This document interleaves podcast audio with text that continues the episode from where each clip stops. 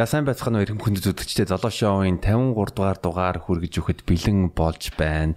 За тэгээ би бас өнөөдөр маш нэр хүндтэй зочин ирсэн байгаа. Зочноо та бүхэнд товчхон танилцуулчихъя.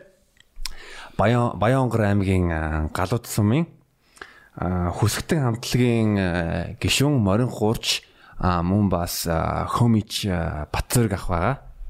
За танд урилга хүлээж авсанд маш их баярлалаа. За баярлалаа. За би бас э, таны тухаас бас нэг хитэн э, товчхон фактууд манай үзэгч нарт э, танилцуулах гэж бод. Нийлийнх нь ер нь бол одоо generation Z гэж байгаа 19 19 15 настай хүмүүсээ тэгээд Батзөрг ах маань нэг саяхан бас Латвийн Аавли гээд хамтлагтай хамтарсан цомог хийгээд тэгээд тэр цомог маань Латвийн оны язгуур урлагийн цомог гэдэг шагналд хүрсэн. А мөн бас хүсэгтэн хамтлаг 2015 онд Asia's Got Talent буюу авиаслаг Азчууд одоо шоу уралдаанд 2 дугаар байрлалсан. А мөн бас миний мэдж байгаагаар бол хүсэгтэн хамтлаг Английн алдартай Royal Albert Hall-д тоглосон цорын ганц Монгол хамтлаг гэж хэлэхэд мөн үү? За Ягас саяхан хүсгтэн хамтлаг Францын Франц Францын лейблтэй хамтарч ажиллаад шин цомгоо гаргасан гэж би бол тийм мэдээ сонссон. Тэр шин цомгийн баярын дүргээ. За баярлалаа. За шин цомог Монголд хизээ хизээ ирэх үү? Монголд юу н тоглолт хийх үү? За юуны өмнө одоо манай зоологийн сайхан нэвтрүүлгийг за сонсдог, үздэг бүх хүмүүст энэ өдрийн мэнд хүргэе. Мөн хөсгтэй хамтлагийнхаа өмнөөс. За манай хамтлаг одоо 2020 онд та асар олон төлөвлөгөөтэй байсан. За жишээлх юм бол мэдээж а Францын лейбл компанитай хамтраад манайх шинэ цомог гаргасан. Жангар жангар гэдэг. Жангар. Тэгээ шир цомгоо хүлээж аваад бид нэр олон төлөвлөгөө ёсороо одоо өнгөрсөн 3 сард Монгол тоглолт хийгээд тэгээд одоо лейблээс зохион байгуулж байгаа Европын одоо аялын тоглолт руу 4 сард эхлэх байсан. За тэгээд 2020 онд манай амтлагчин бас гадаад тоглолт ихтэй жилсэн.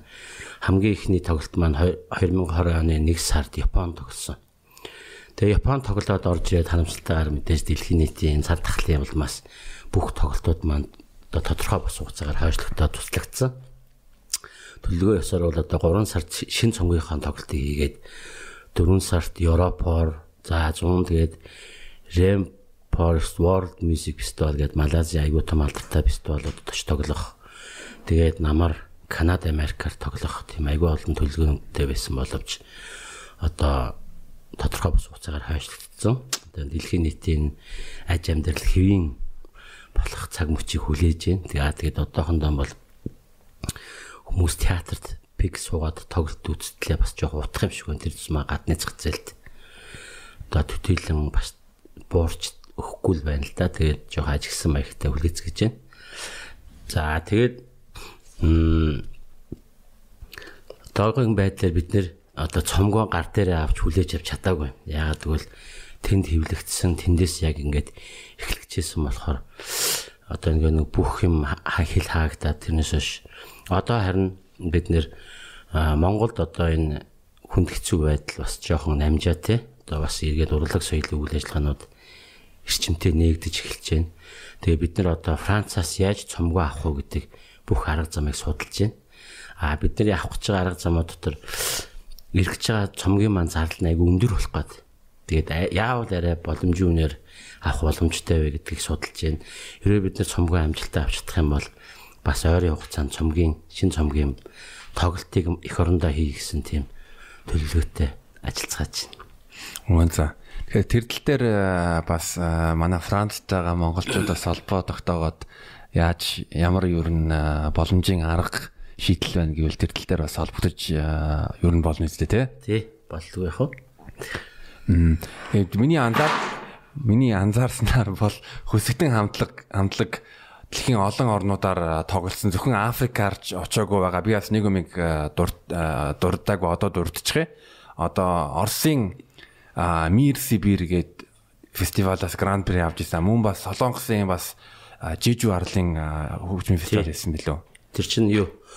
Урлагийн олимп гэж нэр. Урлагийн олимп. Дэлпик гээд олон улсын том наадмаас гран при шагналыг авчихсан. Аа. Тэгээ та бас өмнө Монгол радио нэвтрүүлэгт өгсөн ярилцлагандаа бол 2006 онд ч илүү Монголд нэг хөөмийн фестивал уралдаан наадан болж явах үед яг яг тэр наадмын үед ерөнхийдөө хүчээ нэгтгэхэд хамтлаг босгоё гээд тэгээ одоо хүртэл 5 гишүүнтэй нэг эмэгтэй гишүүнтэй тийм хамтлаг байгаа. Тий. Аа 2009 онд Монгол улсад олон улсын хөөмийн наадам болсон. Тэгээд манай хамтлаг 8 онд байгуулагдсан. Тэгээ 8 онд байгуулагдахтаа одоо 2019 онд болох одоо дэлхийн олон улсын хөөмийн наадам Монголд болох гэж байна. Тэгээд одоо энэ цаг үед бид нэр тэгээ одоо тэр наадамд маш ач холбогдол өгч Монголын хөөмөчдийн ур чадварыг харуулах тийм одоо хариуцлагатай үүрэг ирсэн гэж хэлж болно. Тухайн үед бид нар үндэсний урлагийн театрын үндэснийг найрлагч юм хөгжимчд байсан. За тухайн үеийн манай байгууллагын даргал Монголын хөөмийн холбооны ерөнхийлөгч Цэдгийш гэж хүн байсан. Ерөнхийдөө одоо тэр наадамд бид нэр бол аягүй ачаалбагдлоо гэж анх хамтлагаа байгуулад тэр наадамд одоо Монголынхаа олон үе үеийн хөөмчдийг төлөөлж оролцоод манайх хамтлагийн төрөлд гран прин шагналыг хүртэж ирсэн. За тэгээд дараа нь дараа жил нь Оросын холбооны явцад бас олон улсын хөөмийн наадамд бас Монголынхаа олон хөөмчдийг төлөөж очиж бас хамтлагийн төлөөр бас Гранд Прин шагналыг хүртэж ирсэн. Тэгсэн доо одоо Монголынхаа хөөмийн урлаг болон үеийн хөөмчдийнхаа нэр алдрыг бас өндөр төргөж яваа гэж хэлж болно манай хамтлаг. Манай хамтлаг чинь 5 залууныг охинтой нийтдээ 6 оны бүрэлдэхүүнтэй. Тэгээ 5 залуун заавалаа хөөмилдэг. Дээрээс нь бидний одоо мэрэгжлийн хөгжимчд хөгжмийн боловсрал гэдэг үүднээс хөгжмийн боловсрал гэдэг үүднээс хөөмийг бас ямар төвшөнд хөгжүүлвэл бас гоё орчин цагт Монголын хөөмийн урлаг ямар төвшөнд байвал гоё гэдэг дээр аягүй хичээж ажилладаг. Одоо нэгсэндээ Монголын хөөмийн хөгжил бид нэр хөөмийг нэг хүн хөөмөлөхөөс илүү олон хүмүүс яаж зэрэг хөөмөлөх үү? Дээрээс нь хоолой салгаж олон хоолойн дууралтыг хөөмийн доршиж үтсэн анхны амтлаг гэж хэлж байна. Аа. Тэгээд BBC-гийн танаа хөсөглөн хөсөгтөн хамтлагийн Royal Albert Hall тоглосон тоглолтыг үзэхэд надад маш их таалагдсан. Би бүр яг нулимс урсаад ингээ ойлгож исэн. Ойлгож исэн. Тэгэнгүүт нь яг танаа хамтлагийн ахлагч Ариун бол тийм ээ. Маш гоё тайлбарлсан. Хөми бол маш гайхамшигтай урлаг ягаад гэвэл нэг хүний биеэс одоо хоёр авьяа нэг зэрэг доор гарч байгаа Тэгээд та бас Монгол радио нэвтрүүлэгт юу хэлсэн бэ гэвэл яг таны хамгийн дурсамжтай мөн нэр хүндтэй тоглолт бол тэр тэр одоо хүртэл тэр мөн үү? Ер нь бол яг гоо бид нэр бол тайзыг том жижиг гэдгүй юм бол гэтээ яг гоо Royal Albert Hall бол бидний тоглосон алдартай олон тайзнуудын нэг бол Royal Albert Hall. Яг тэгвэл тэнд бол одоо манай хамтлагийн одоо хувьд бол тэр дэлхийн том тайзнаа одоо Монголынхаа энэ гайхамшигт өв соёлыг анх гიშгэлүүлээд тэнд байгаа хүмүүс Монголын ардын урлаг гэж ямар гайхамшигтай урлаг байд юм бэ гэдгийг маш сонин содноор хүлээж авсан. Тэгээ дээрээс нь тэр том тайзнаа BBC-гийн тэр том симфони оркестрийн яг өмнө суугаад тэгээ дээрээс нь өмнө 6000 үзэгчдийн өмнө ингээд Монголынхаа ардын урлагийг таниулна гэдэг бол бидний хувьд бол одоо хүртэл ингэж мартагдахгүй маш том дурсамжуул өгдсөн. Одоо ч гэсэн миний нүдэнд одоо яг тэр тайзнаа анх гараад тоглож байхад ямар мэдрэмж төрж ирсэн гэдэг нэргээ санагдчихэв. Үнэхээр гайхамшигтай байсан. Тэгээ тэр нэвтрүүлэгт орохоос өмнө биднэрт бас тийм гоё сайхан хацтай явдлууд бас тохиосон юм. BBC-гийн радио яг тэрний урдчил Монголд ирээд одоо нөгөө нэг ямар яагаад тэнтэй очиж тоглосон шалтгаан ярих гэж штэ тэр радиогийнхан ирээд одоо ингээд дэлхийн маш олон оронд очиж ингэж нэвтрүүлэг хийсэн юм байна. одоо ардын урлаг гэдэг нэртэй тийм нэвтрүүлэг радиогийнхан хийгээд тэгээд тэр нэвтрүүлгээ одоо ингээд BBC-гийн радиогоор ингээд гаргасан чинь хамгийн олон хүний санал авсан нь Монголын ардын урлаг. Тэр нэвтрүүлэгт нь одоо манай Nomadic Journey гэдэг аюул жуулчлалын компани захирал нь миний нэг бас нэг Ян гэд Швед найз байдаг хгүй. Тэр анх санал болгосон. Монголд ийм хүмүүс ирэх гэж байна.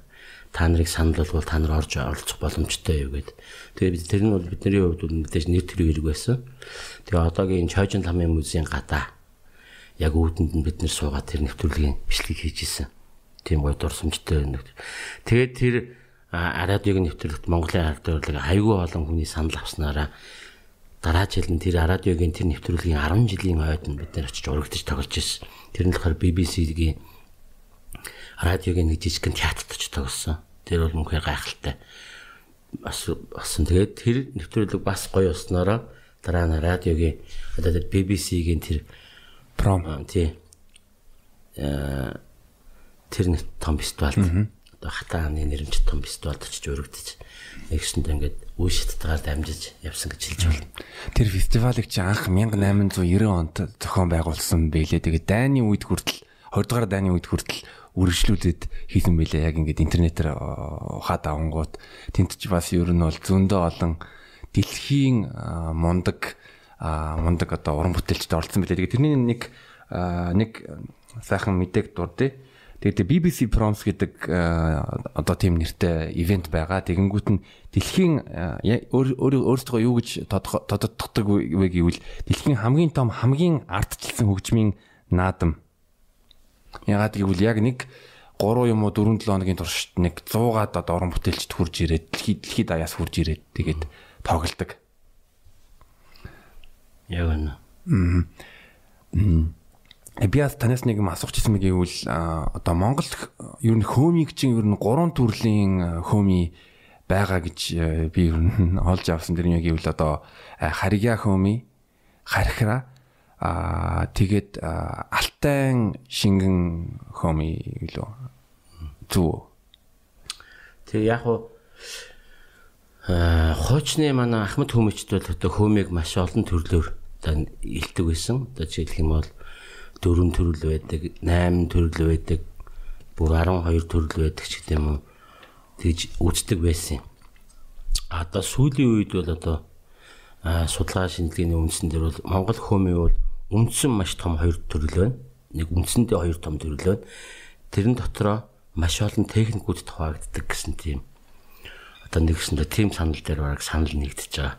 Тэр нь болохоор нарийн хөөмий буюу эсгэрээ хөөмий А нөгөөх нь дотор бүдүүн одоо тембрийг дурддаг хархраа хумыг гэсэн хархраасэн хоёр төм төрөлтэй. Тэгээ дотор нь бол маш олон техникүүд хуваагддаг гэсэн тийм одоо санал дээр баг нэгдэж ах шиг. Аа. Тэр нь чир нь баг л тийм л те. Нарийн хумын чинь дотроо бас шахаа хумын, эсгэрээ хумын гээд айгүй олон төрлийн техникүүдтэй. А хархраа хумын болохоор бас дотроо бас айгүй олон техникүүдтэй. Аа та бас өөрийнхөө өмнөх ярилцлагуудад л яг таны урлагт хөл тавих хамгийн том одоо үлгэр байсан бол гэвэл таны таны ээж гэж хэлжсэн ягаад гэвэл таны ээж одоо юуны хөгжмийн одоо дуугарын багш. Тэгээ яаж ягаад та за ер нь хөөми болон морин гуур энэ зэмсгүүдээр ер нь өөрөө хөгжүүл энэ энэ бол миний амьдралын нэг хэсэг юм байна гэж энэ энэний тухай бас сонсомоор байна. Одоо Ягаад чинь би бол одоо намайг бол мэдээж хамгийн анх урлагт ороход хамгийн их нөлөөсөн бол миний ээж. Ээж маань одоо ингээд багасаа ингээд дунд сургуулийн дуу хөгжмийн багш байсан. Байнга л урлагийн одоо ажилтай байдаг байсан. Тэгээд маш олон төрлийн хөгжим тоглодог байсан. Тэгээ ээжийнхэн тэр олон төрлийн тоглодог дуу хөгжимд маш их хөглөгдсөн юм шиг байна. Тэгээ дээрээс нь цаанаасаа нэг тийм байгалийн өгөгдөл надад нэг тийм урлаг агиух тийм дуртай болгож өссөн. Тэгээ би тэр тундаа морин хуур көөми хоёрт их дуртай байсан. Тэгээд хамгийн анх надад ээж маань морин хуур зааж өгчээсэн. За тэгээд анх морин хуур ээжээсээ суралцаад тэгээд тэрнээс хойш хөөмийн урлагт аяг их дурсан. Гэтэ миний хүүхэд наснд бол миний ойр орчимд яг хөөмилдэг хүн бол байгаагүй. Тэгсэн мөртлөө одоо Монголын радио, Монголын телевиз тухайн үед бол мэдээж бидний одооны их шиг юм сошиал маш эрчимтэй тийм хөгжсөн юм юуч байхгүй тийм байсан. Тэгэл Монголын радио телевизээс хорхон хишгэлдэг л тийм байсан доо тэр үед. Тэгээд одоо тэр мантацсан хатангаа кино минан дээр тэр Хөмийг Чингис хаан кино антрес Хөмийг аягүй хол сонсдог гэсэн. Тэгээд ер нь бол хүүхэд байхдаа би альфэ үчээд хархраа Хөмийг ойлгоцсон, дуурдаг болцсон байсан. Нарийн Хөмийг нь бол одоо төдийлэн сайн ойлгоогүй гэж хожим оюутан болж ирээд одоо Ховд аймгаас ирсэн оюутан найзуудаас аяг одоо нөлөөлж сурсан гэж хэлж байна. Тэгээд одоо нэргэж буцалтгүйгээр одоо энэ морин хуур хөмөө хоёрт бол одоо тэгэл одоо ч гэсэн суралцсаар л юм. Аа. Манай өвд соёл ч юм бол одоо яндшгүй баян өв соёлт гайхамшигтай. Би бол одоо Монгол хүмүүс төрснөрөө Монголынхоо ардын урлагаар бол ямагт бахархаж явдаг. Харин би гэж бодож байгааг гэвэл одоо Монголын Монголын одоо Монгол улс бас хүсэгтэн болно танаар бас бахархах ёстой. Яагаад гэвэл одоо Монгол соёлыг яалтчгүй гадаадад таниулж одоо соён гэгэрүүлж байгаа. Тэрний бас нэг жишээ нь юу вэ гэвэл танай хамтлаг 2015 онд Авиаслаг Азчууд шоунд оролцоод энэ шоу шоунд юу н оролцох санааг санаа э, хизээд үрсэн бэ тэгээд яагаад оролцохоор болсон бэ? Энэ энэ бас их айгүй гоё түүхтэй. Одоо энэ түүхийг ярихаар хамгийн эхлээд нөгөө нэг одоо миний нэг интернетэд айгүйх алдаршсан нэг бичлэг байдаг байхгүй нэг юм ногоон дээлтэйга төрс нутгийнхаа нэг юм одоо манай гэр бүлийн шүтдэг нэг тийм хайрхан номгон хайрхан гэдэг тэр хайрхны оройд одоо цаансраар цаансрын битүүний өдөр би нутагтаа амралтаар очсон. Тэгээд эдээ будаа аваад бид нэр тэр хайрханд очиж хүндэтгэл үзүүлдэг байхгүй битүүний өдөр ингээл эдээ будаага өргөөд тэгээ би нөгөө ойрд нутагтаа очиж байсан болохоор хөгжмөө үрчичээд тэр хайрханд ингээд гоё нутаг уснаар сүс нутаг усан дээрсэн болохоор сайхан дуулж хуурцсан. Тэгээд тэр хайрхны оройд би одоо энэ соёл урлагийн сургуулийн багш Мөнх Бат гэж багшийн зохиосон алдартай Чингис хаан гэж магтаалыг дуулсан байхгүй. Тэгэхэд яагаад чи нэг үнхээр тэр байгаль дэлхийн нэг сонсож хүлээж авах шиг санагдсан. Тэр ихэд ингээд айгүй гой дулаахан болоод ингээд нам гомбод чи өвлийн хөвдөн үлрэл шүү дээ. Тэр өндөр уул яриад. Айгуу гой дулаахан болоод баг манай дүүнэр ингээд бүгд потологтойгоо явж маа. Тийм гоё болсон байхгүй. Тэгээ яг наваа дуулж хорж хахт ингээд айгуух шовоо дугураал ингээд айгуух шовоо ярьж муугаал. Тэгээд ягаад чи надад нэг тийм яг уу сүсэг бишрэлгүй хүмүүс тэрийг л ойлгохгүй байх л та. Зүгээр л байгалийн үзэгдэл гэж бодох. Надад ягаад чин тэр нутгийн уул ус яг тэр дуу хоорыг сонсох сонсож байгаа юм шиг тийм уул усны долоос савдаг гэж байдаг үнэхээр сонсож байгаа юм шиг санагдсан. Тийм гоё мэдрэмж төрсөн. Тэгээд тэр э, яг тэр дуулж уурсныг манай ихнэр ингээд уцаараа бичиж аваад тэгээд санаанд гүйрээд ингээд сошиалд хийцэн чинь нөгөөх нь зү маш их тандалт авсан. Аюу хүмүүс үтсэн. Тэгээд дээрэс нь би үнэхээр гоё дуусандаа биш тэр хайрхан уулын одоо тэр авшиг шингэсэн нэг тийм энергитэй бичлэг болсон юм болов уу гэж би одоо бэлгсээж явдаг байхгүй. Тэгээ тэр бичлэг намайг дэлхийн олон тайзны авчсан. Яг тэр бичлэг намайг одоо тэр дэлхийн алдартай Netflix киноны одоо тий кинонд очиж тоглох тийм боломжийг олгосон байхгүй.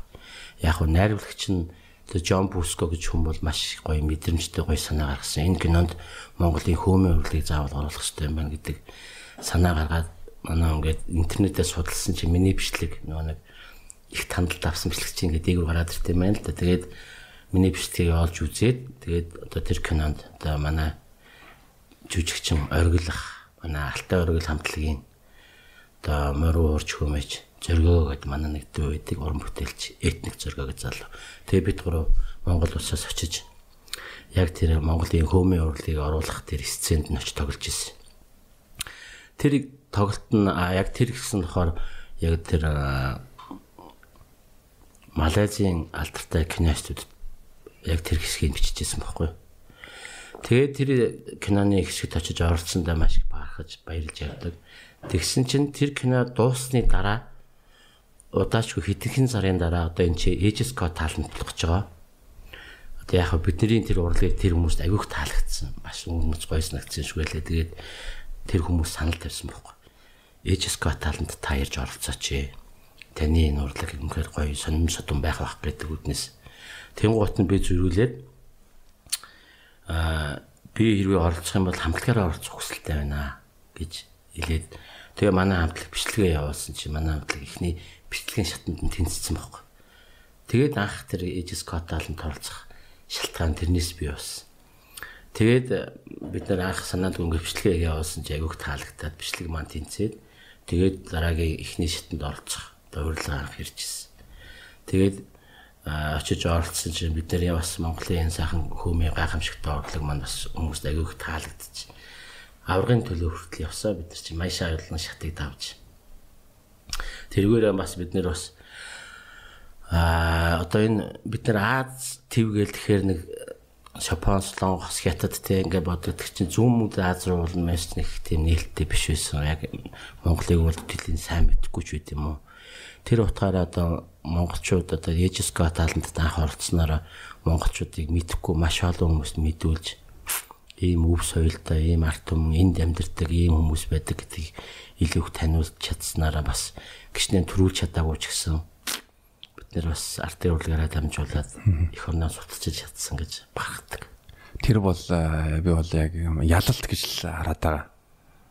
Одоо Монголын одоо өв соёлыг яг жинхэнэ бодит жишээгээр таниулж таниулж ятсан. Тэгээд яг тэр Aegis Got Talent-ийн 3 бичлэгийн харангуут яг финал хүртэл нь тэр тэр тайзны засаг чимэглэл амун бас та нарын хувцаслалт надад бүр маш их таалагдсан бүр тийм амар омогшил төрсөө. Тий яг уу биднэрт одоо тэгэл нөгөө нэг өв сожлоо эх орноо сурталчлах маш том боломж бий болж байгаа холгоо тэрэн дээр маш хичээсэн. Тэгээ дээрээс найруулагч нар нь аль хоор монголчууд ямар байх хэвтэй, Монголын үндэсний хувцас ямар байх хэвтэй, одоо ямар тийм ахуй амьдралтай юм гэдгийг аюу их тийм тодтогч харуулахыг аюу хичээж исэн. А яг нөгөө талаасаа шоу юм болохоор найруулагч нар нь бол тэ одоо ингээд байнга байс гэж байгаа ярьцлага авдаг. Тэрэн дээрээ бид нараас ингээд айгүйх тийм одоо сэтгэл хөдлөлийг айгүйх хүсэж ийсэн. Одоо жишээлх юм бол тэ юм юм яриад ойлгох ч юм уу. Хөгжилтэй юмнууд айгүйх би тэрэнд онц чинь тэгээд яг хаа зүүмнэ даазаас оролцож байгаа тэр хамтлагууд ч юм бол ингээд биднийг бодвол тийм шоу амьдрал одоо шоу ертөнц айгүйх хөгжсөн хүмүүс байт юм байна. Жишээлх юм бол одоо бид нартэй тэр аврагын төлөө тоглож исэн тэр хамтлаг бол Тэгээд тэр а Индонезиас ирсэн хамтлагуудын тэр бол шууд ингээл амьдралаа яриад уйлаал ч юм уу те. Жишээлх юм бол нэг юм бүжгийн хамтлаг бас пенальт үлдсэн. Тэр хамтлаг нь болохоор Индонезийн тийм асрамжийн газраас төрж гарсан хамтлаг юм байна. Тэгээд тэд нар чинь тэргээрээ айгүйх одоо нөгөө нэг шоуны чинь бас нэг юу ш те. Хүмүүсийн анхаарлыг яаж татах уу гэдэг дээр айгүйх толгоо ажиллаж байгаа хөөе. Тэдний бол жишээлх юм бол бид нар бол одоо асрамжнаас ирсэн бидний хүүхэд нас ийм амар хэцүү амьдрал төссөн гэдэг тэрийгээр ингээд нэвтрүүлэг хийсэн. Ингээд уйлж мойлал яриад тэгэн гоч нөгөө нэг хүмүүс ч амар их тэрэнд автаж байгаа байхгүй. Тэгээ тэргүүрээ бид нар айгүйх санал авсан. А биднийг одоо тиймэрхүү ингээд ийм та нар тийм санаананд бодвол тэрийг ярих бид ч насны хувьд одоо хэдэн настай хүмүүс үлээ. Тэгээ бид нар чинь ямар аз жаргалтай амьдрал донд өсч өндөөсөн бэлээ. Биднэрт бол ямар тийм ярих шалтгаан байхгүй. Тэгээ бидний хүмүүс тэр нэвтрүүлгийн найруулагч нар та нар ямар сэтгэлийн хөдөлгөөн айгүй багтай байна. Та нар нэг тиймэрхүү өгөөч гэж хүсдэг. Бид нар ч үнэхээр тийм ярих боломжгүй.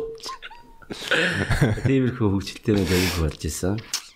Монголх нь өлсөж үзээгүй штэ.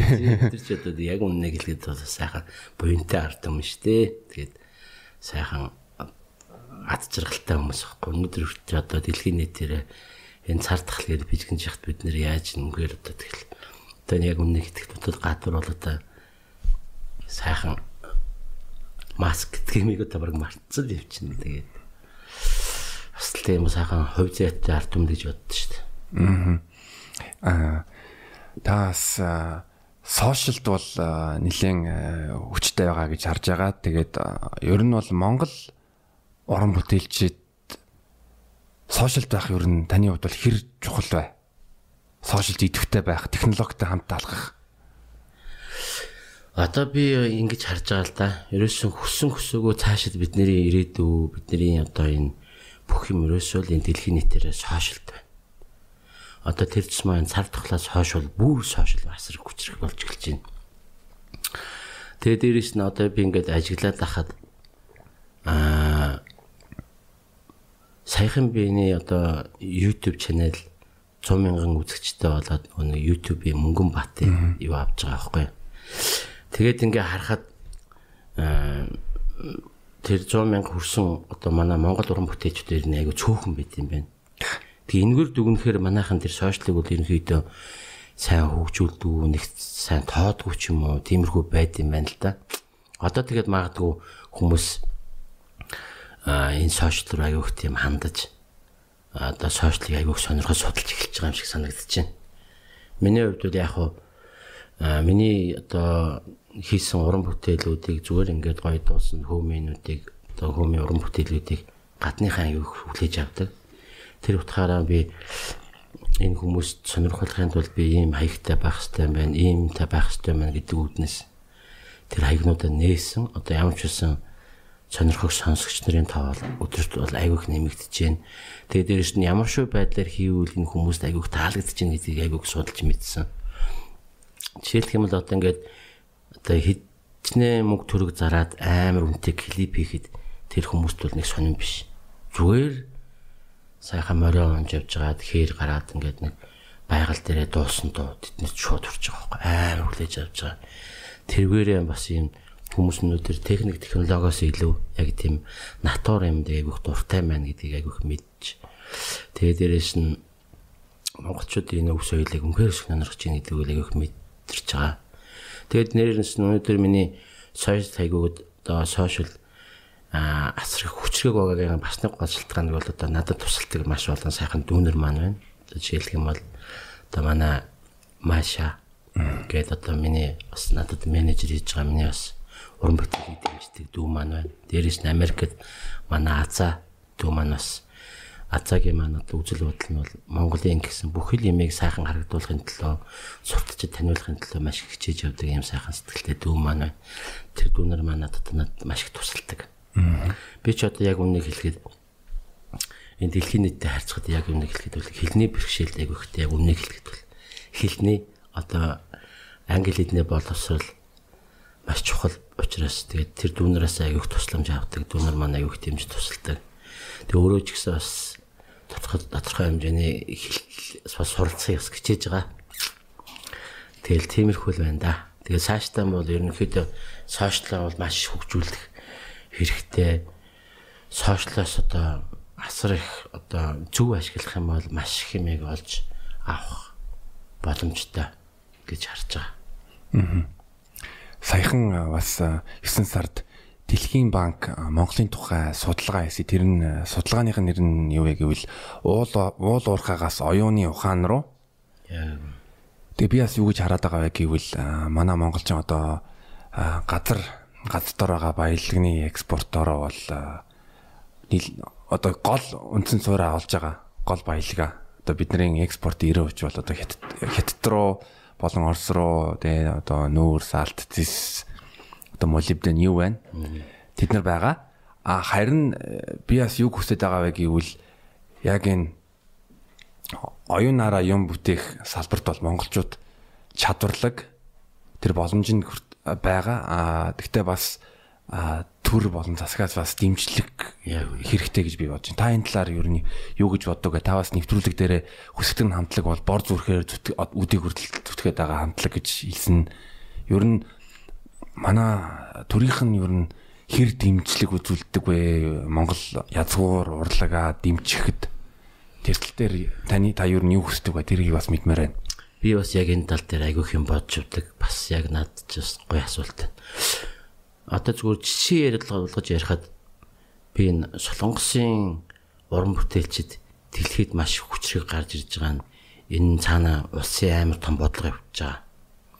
Тэр уран бүтээлчд яавал одоо одоо би юу зүгээр яг ба те уул уурхааг бол ашиглаж болно. Уул уурхаа бол мэдээж одоо ашиглах ёстой байх л та. Гэхдээ уулуурхаагаас гадна мөнгө олох тийм айгүйх олон боломжууд байгаа юм шиг санагддаг байхгүй ягаад гэвэл урлаг соёлоор өнөөдөр дэлхийн нийтэд яг улсын бодлого болгоод дэмжиж ингээд бодлоготойгоор явуулах юм бол уулархаас тутгааргүй ашиг их орондоо авчрах тийм боломжууд агиух байна гэж хардаг. Жишээлх юм бол одоо Солонгосын агиух гой гой хүчрэг хамтлагууд бий болоод одоо өнөөдөр дэлхийн нийтэд одоо ингээд хүчрэг байгаагийн том шалтгаан нь бол усаасаа айгүй том зөв бодлого явагдаж байгаа гэж харж байгаа. Тэгээ дээрэс нь яг хуу манай хамтлагийн хувьд бол ерөнхийдөө яг л өөрсдийнхөө л өстой жинхэнэ борч хүрэхээр өдөө хүртэл явж байгаа гэж хамтлаг гэж хэлж байна. Аа зүгээр сүүлийн үед одоо манай Монголын уран бүтээлчид хүчрэг гоё амжилттай явж болохын том жишээ бол одоо тийм манай хүн амтлаг. Үнэхээр одоо монголчуудыг тэгэл дэлхийн нийтэд үнэхээр шуугаан тарьж үнэхээр одоо монголчуудын бахархал болж чадлаа. Энэ дээр бас би бол яг хөө зүгээр би нарийн сайн мэдхгүй ч гэсэн төр зэсгээс бас тодорхой хэмжээний дэмжлэг авсан байх гэж бодож байна. Тэмцсэн болов уу гэж би бас боддгийн. Яг энэ шиг бас ингээд монголчууд үнэхээр одоо урлаг соёлоороо дэлхийд гайхамшигтай гоё уран бүтээлүүдээр одоо дэлхийн нийтэд том хүчрэг байж чадах том жишээ бол энэ гэж би харж байгаа одоо тэгээ цаашдаа ч гэсэн маш сайхан сайхан уран бүтээлүүд уран бүтээлч төрөх байх гэж бодож байна.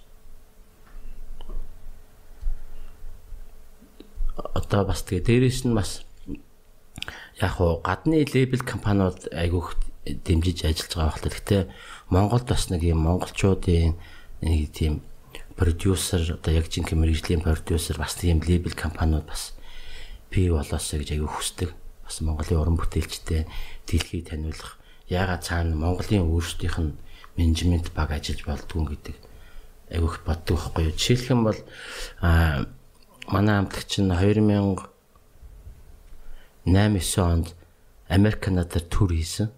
Канадын Америк Канадын нийлээд 10 хотод аялан тоглолт хийсэн.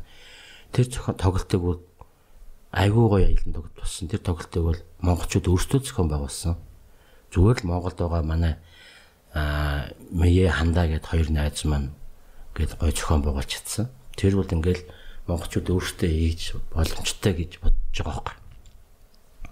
Тиймэрхүү байдлаар монголчууд бол асар их боломж чадрууд бол байгаа. Тэрийг гоё нөөц болж байгаа бүгдээрээ гоё ашиглаж ажилласаа гэж аяг хүсдэг. Аа бас нэг миний нэг хүнднүүрага сэтгүүе гэвэл Жишээ нь гадаадд байгаа монголчууд монгол соёлоо илүү сонирхдаг. Харин Монголд байгаа бид нар бол монгол соёлдоо нэг ач холбогдол өгөхгүй байгаа юм шиг надад анзаарагддаг. Аа нөгөөтэйгүр гадаадууд монгол язгуур урлаг бол ингээд бүр дурлаад байгаа. Гур монголчуудаас илүү гэж хэлмээр. Үнэ үнэ. Тэгээ бас би таваас ер нь хүүхдүүдтэйгээ хамт бичлэг хийгээд байгаа охинтойгоо хамт дуу дуулсан, хөөмилсэн мөн бас саяхан бас хүүгийнхаа даах өсний найраас нь баяр үргээ. За баярлалаа. Аа ягас анхны удаа хөөми сонсож байгаа тэр маш хөөрхөн бичлэгүүд байсан.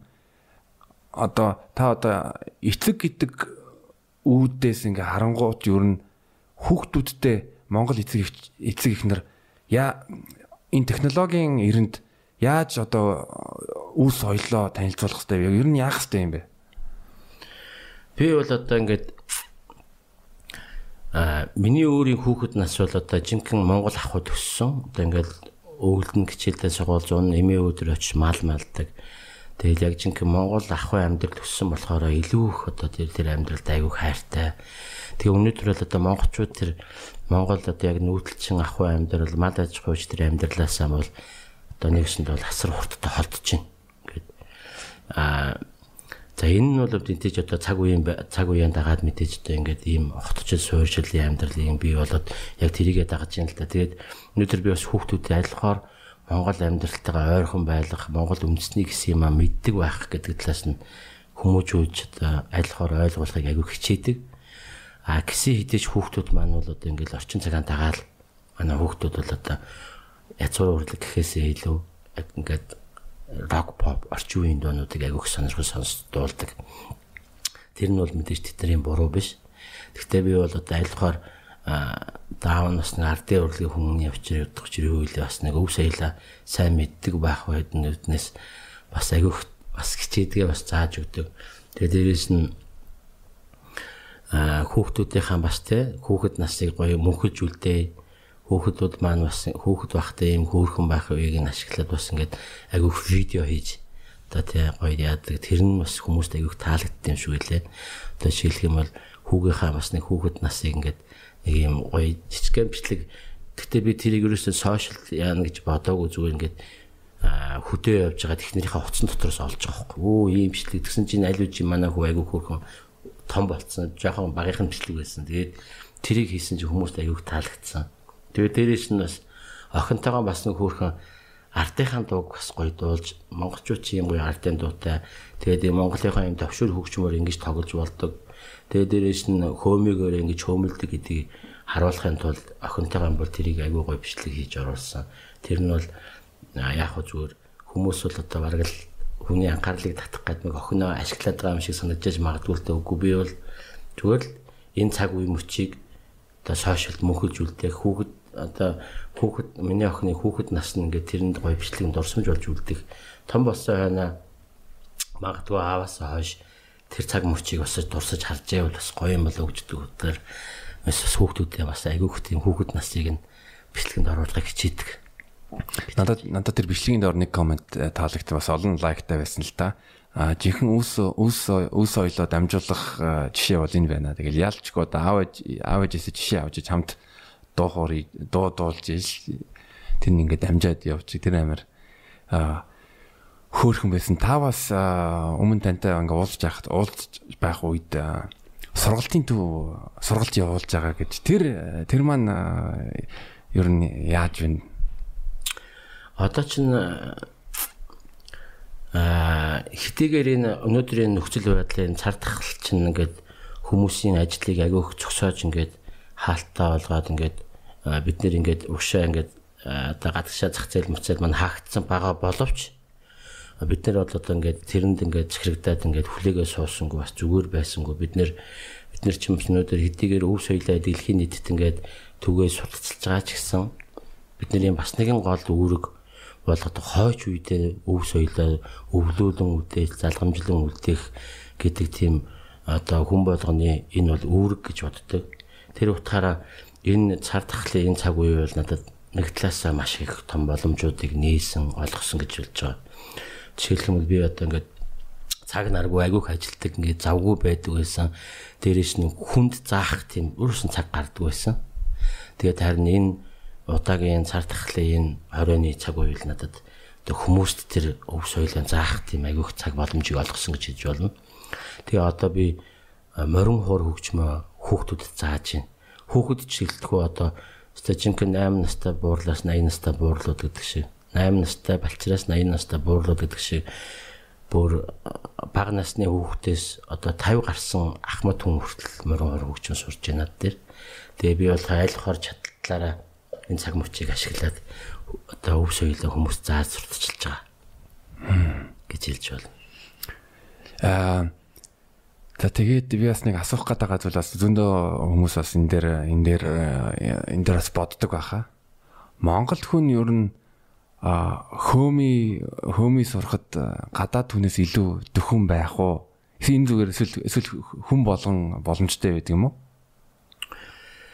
Яг зүгээр Монгол хүний даваа тал нэг үл арай нэг өв соёлыг ойлгох тал дээр арай нэг жоохон дөхөн байж магадгүй гэж бодож байна. А тэрнээс бусдаар бол би заавал ингэж хөөмийг нэг юм тусдаа нэг цаанаасаа өгдөлтөй хүн сураад байгаа юм биш гэж боддог. Тэрэн дээр бол би санал нээлтгүй. Одоо жишээлх юм бол гадны хүмүүс хинч байлаа гэсэн зүгээр л хөөмөний дуур харлаг барил техникийг зөв ойлгож чадах юм бол хүн болгоныг би чадна гэж боддог. Яагаад гэвэл өнөөдөр хөөмийг сурцсан гадны хүмүүс зөндөл биш. Ингээл гоё хөөмөлөл тэгэл бас энэ соёл өв соёл дурлаад явж байгаа хүмүүс маш их байна. Одоо сүүлийн үед бол Монголын хөөмийн урлагт урлагчдын тоо бол асар нэмэгдэж байна. Айгүйг сонирхож байна. Одоо сурмаар байна гэсэн хүслүүд айгүй хэрдэг. Тэгээ би бол хувьдаа энэ хөөмийг бол яг л одоо яг тэр техникийг зөв ойлгож чадах юм бол хүн болгонд дуурах боломжтой гэж боддог. А ер нь одоо цар тахлын үе байгаа. А гэхдээ олон улсын хөөмийн фестивалд Монголд болж исэн. тэр фестивалууд дээр ер нь ямар үндэстний хүмүүс ер нь хомиг сонирхож байна таны анзаарснаар бол За тэнд тэнд бол ерөнхийдөө бол Европод, Америкууд их сонирхдаг хомиг. Ер нь бол аа Япончууд бас их сонирхдаг. Одоо сүүлийн үед бол энэ бол ер нь орон орны хүмүүс сонирхож байна. Маш их сонирхож байна. Дээрээс нь их суралцж байна. Тэгээд ер нь бол цаашдаа бол энэ сурах сонирхолтой хүмүүсийн тавал асар их нэмэгдэх юм байна л гэж бодож байгаа.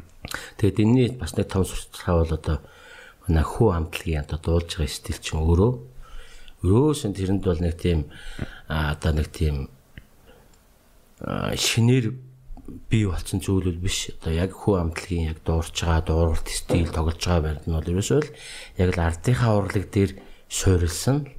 Бидний л ерөөсөө өв соёл жанр чинь л ерөөсөө тэр дээ. Одоо яг магадгүй бид нэр тэр өмнөхөр рок стил бидний ардын урлагт байдаг гэдгийг огт анзаардгүй явсан байж магадгүй. Тэрийг л одоо үнэхээр одоо автаа гоё рок амьд хөгжмийн хамтлагтай л дуулж байгаа. Болохоос биш яг тэр уртлын хамтлагын салаад дуулах юм бол яг л гоё ардын урлаг маань дэжигтэй хэсгэлж байгаа. Тэргээрээ агиох бархалтай. Тэгээд дээрэс нь дуулж байгаа дуунууд нь дандаа хөми, архираа хөми, тийм стилээр дуулж байгаа болохоор хүмүүст бүр хүмүүс санагдчих. Тэр нь бол одоо дэлхийн нийтэд одоо энэ өвс үеийг сурталчилж байгаа маш том сурчлагаа болж байгаа гэж хэлж байна.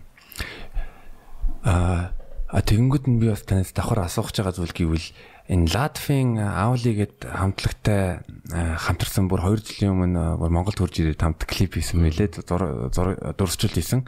Гадаадын язгуур язгуур урлагийн уран бүтээлч нартай хамтарч ажиллаад бүр бүтэн цомог хийхэд хэлний бэрхшээл бэрхшээл яаж давсан бай тэр цомог бүтэх талаар сонирхолтой түүхүүдээ бол тэрнээс хуваалцаач та.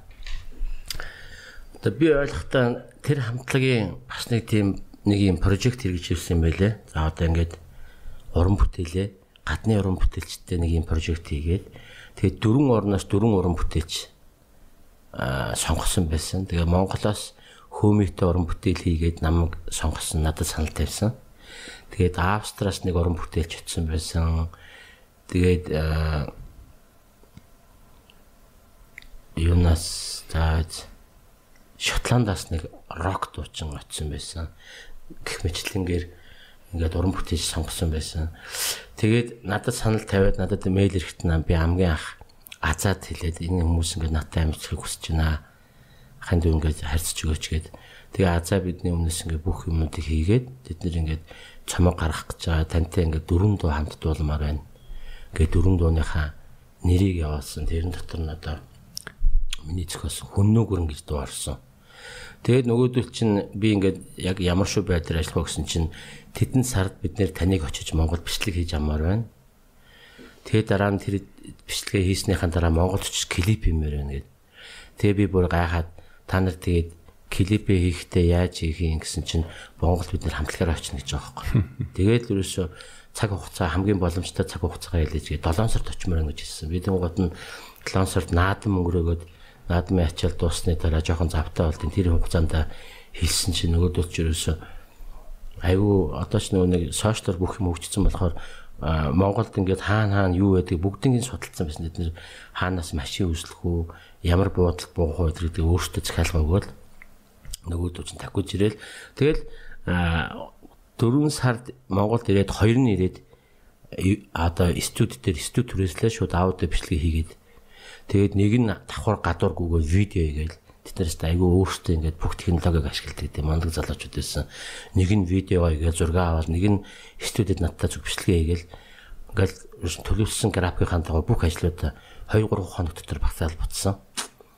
Тэгэл надад доктор тим тим газар тим тим объект хэрэгтэй байна гэдгийг бид тэрийг бүгдийг судлаад үнийн явуулсан чинь шууд төлөөл. Тэгэл одоо 7 сард бид нэр тэрэлж гэх тийм гоё үзэсгэлэнтэй газар үүд юм байна. Тинчээ бид нэр клипээ хийн. Тэдэн сарын тэдний өглөө үүрийн 6 цагт тэр мэлхий хатан дээр уулзцаа гээл. Тэгээд би бураастай юм хүрээ ямаараас мөрхий. Тэгээ би яг тэр бардсан хугацаанд өглөө үүрээр 6 цагт очсон чинь нөгөөдөл чинь ингээд бүгдээрээ жип үслээд ингээд ирсэн. Тэгээд бид нар чи урд өдөр нэрэнгуудаа хаан зураг авах уу, хаан хаан ямар зураг авах уу гэдэг бүх объектыг судалсан байсан.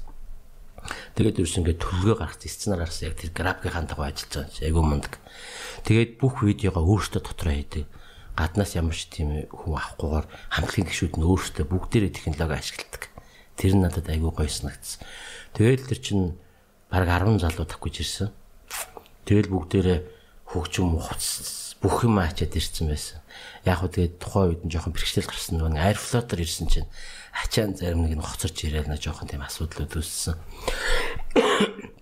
Тэгээд тэрэлжид бүх клип зураг авалтаа яваад тэгээд буцсан. Тэгээд эх жилэн дараа жил нь 9 сард одоо лаатууд бид нэр аялын тогтцоон байгуулах гэж та тэр прожект хийж оролцож болов гээл. Тэгээд яг бид нэр бүгд цалин мөнгө төгрөөд бүгд очиж оролцсон. Тэгээд яг тэр жилдээ тэр дөрвөн орны уран бүтээлчтэй сонгоод уран бүтээл хийсэн чинь хамгийн их сошиал хандлагыг авсан л одоо надтай байсан. Монгол уран бүтээлчтэй хийсэн уран бүтээл нь асар олон хандлт аваад бид нэр айгүй амжилтанд хүрсэн.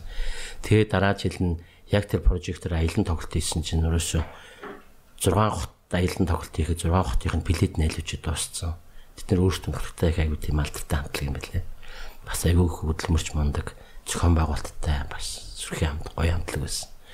Тэгээд тэр тоглолтыг дуусны дараа тэр жилдээ тэд нэр одоо Латвийн тэр аварцсынхаа шилдэг ардын урлагийн хамтлаг тэр цомог нь бид нартай гаргасан тэр цомог нь шилдэг цомог болж авсан байлээ. Тэр мөчлөнгөр маш гоё амжилттай бас тэр прожект. Тэр клип нь бас өстө супер болоо. Би бас хоёр хоёр нэг клипийг үзээ яг хүн нүгөрн. Тий. Аа тэгээд дараа нь Чингис хааны магтаалтыг өнөө өрөн дээр хамт тоглосон. Тэр тэр тэдний хөгжмийн тэнцвүүд нь амар гоё. Гоё зогсож илээ ингээд сонсонгууд нүүцэнгүүд нь яг тий өрмөц сонио шийдэл байсан. Тэгээ яг хав манай моргон хуур хөөми чинь ямар ч стилтэй авцалддаг байхгүй. Жишээлх юм бол рокч дуулж болж байна. Бүр айгуу гоё уянгын одоо тэр одоо энэ Латвийн намтлагч юм бол тийм Шотландын тэр гоё өмдний хөгжмөд тоглолт. Тэгээ өөртөө бол Шотландын биш энэ бол манай бас ардын хөгжим гэж хэлдэг юм байлаа. Тэгээ тэр хөгжимтэй ч гэсэн гоё зохицож бас гоё болж чадсан. Тэд нар ч гэсэн өөртөө тэгээ бас мэдрэмжтэй гоё найруулсан байлаа. Би бас таны нэг юмыг э, та нөгөө MJL радио төгсөн ярилцлагандаа бол би бас утгагүй бас нэг олон улсын урлагуудтай бас хамтарч ажиллах байгаа. Тэгэнгүүт нь дараа нь Латвийн Латвийн юг толгоон дотор төсөөлсөн байсан болов уу гэж э, бодож исэн. Аа. Тэгээ би бас юу гэж бодсон бэ гэвэл Монгол одоо жишээлбэл хипхоп уран бүтээлч гэж бодчихъя. Аа. Аа тэд нар яг яг хипхопчин Америкаас гаралтай. Аа гэхдээ тэр хипхоп руу одоо Монгол язгуур урлагийн хідэн элементүүдийг оруулаад их тийм одоо хүү хүү амтлаг роктэй юм шиг тийм а шин төрлөг гаргачих юм бол тэр нь амжилт олох илүү магадaltaй гэж бодож байна олон улсын зах зээлд. Ягаад гэвэл яг гадаад дууд шиг яг адилхан тэг яг адилхан клиптэй яг адилхан тийм одоо химнэлтэй ч юм уу байх юм бол тэр чин зөндөө олон гадаад артисттэй яг өрсөлд өрсөлдөөн болно. А тэрний оронд өөрсдийнхөө онцлогоо давмгаалаад уран бүтээл хийх юм бол тэгвэл тэр чин сонирхолтой болох байхгүй шинэ юм. Яг үнэ. Би бас яг тэгж боддгийн. Өнөөдөр одоо Монгол амьд хүчмийн зөндөө гоё хамтлагууд байна. Монголчууд чадaltaй юу, чадaltaй байна, авиастай юу, авиастай байна, боловсралтай байна, хөгжмийн боловсралтай, мэдрэмжтэй монголчууд яг авиастай гартам шүү дээ. Авиастай. Дэлхийн одоо ямар ч стилийн, жанрын уран бүтээлчид бол бүгд л монгол стил жанраараа байна. А тэдний одоо хамгийн одоо миний бодлоор зүгээр маркетинг их, менежмент их том боломж нь бол ерөөсөө л энэ ардын урлагтайгаа хойлох тэр дэлхийн мэдээж олон амир олон сүрэл жанраар чөндөө гой мундаг хамтлагууд байгаа.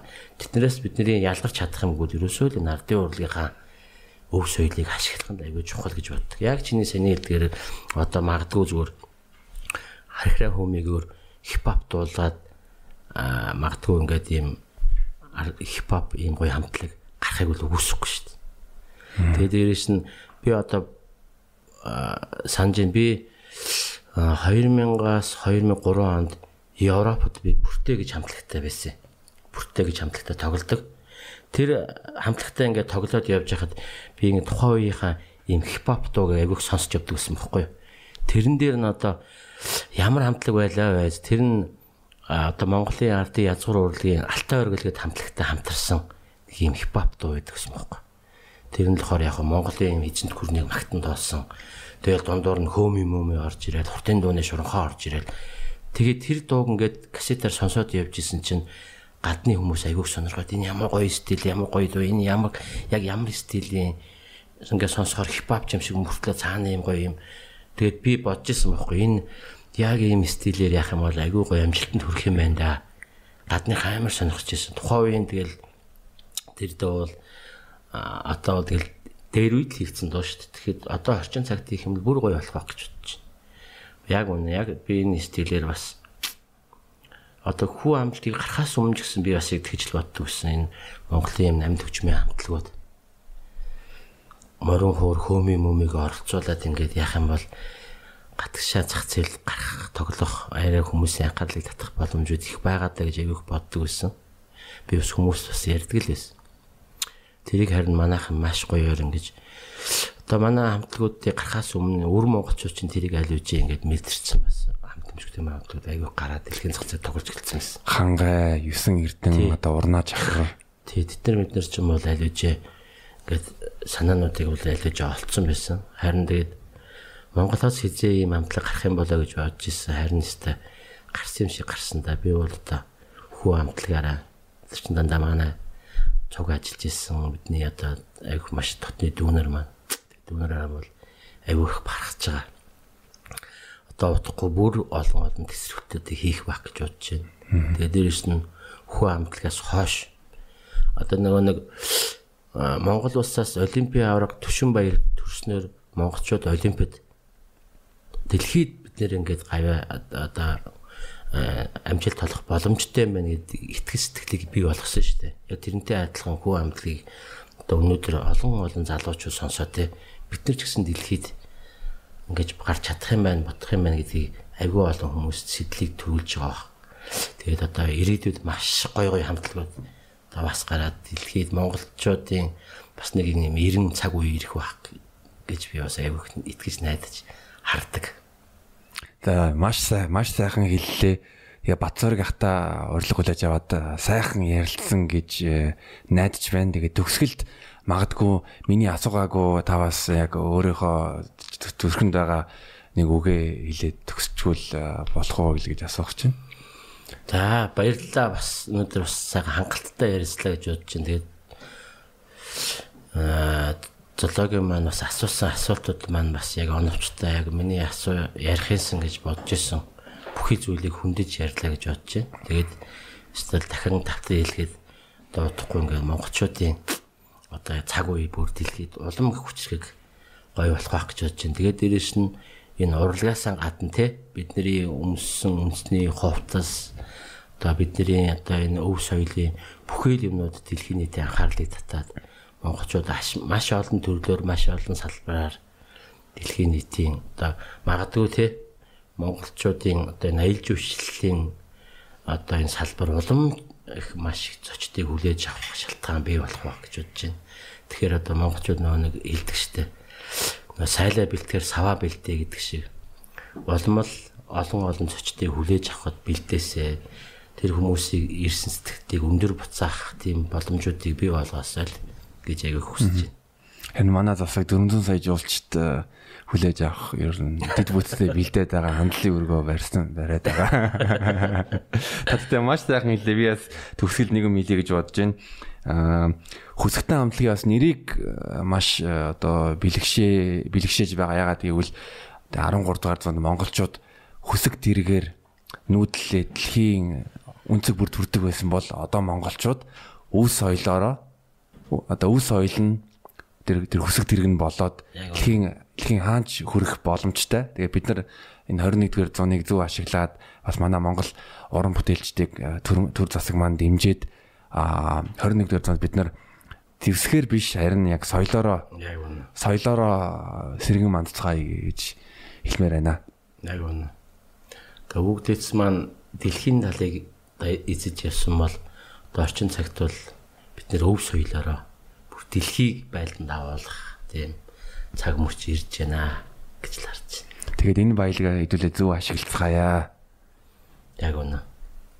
Уулуурхагаас илүү маш олон боломжууд байгаа шүү л гэж хэлмээр. Аа. За Бацорг ахта сайхан ярьсан маш их баярлалаа. Танд болон таны гэр бүл болон хүсэгтэн хамтлагт сайн сайхныг хүсье тэгээд жангар цомгийг нутагтаа авчраад тэгээд цомгийн нээлтийг хүлээжлээ. Яг үнэ утгагүй өсгтэй хамтлагийн чангар цомгийн тоглолтоор удахгүй уулзцгаая. За баярлалаа баяртай. Баяртай баярлаа.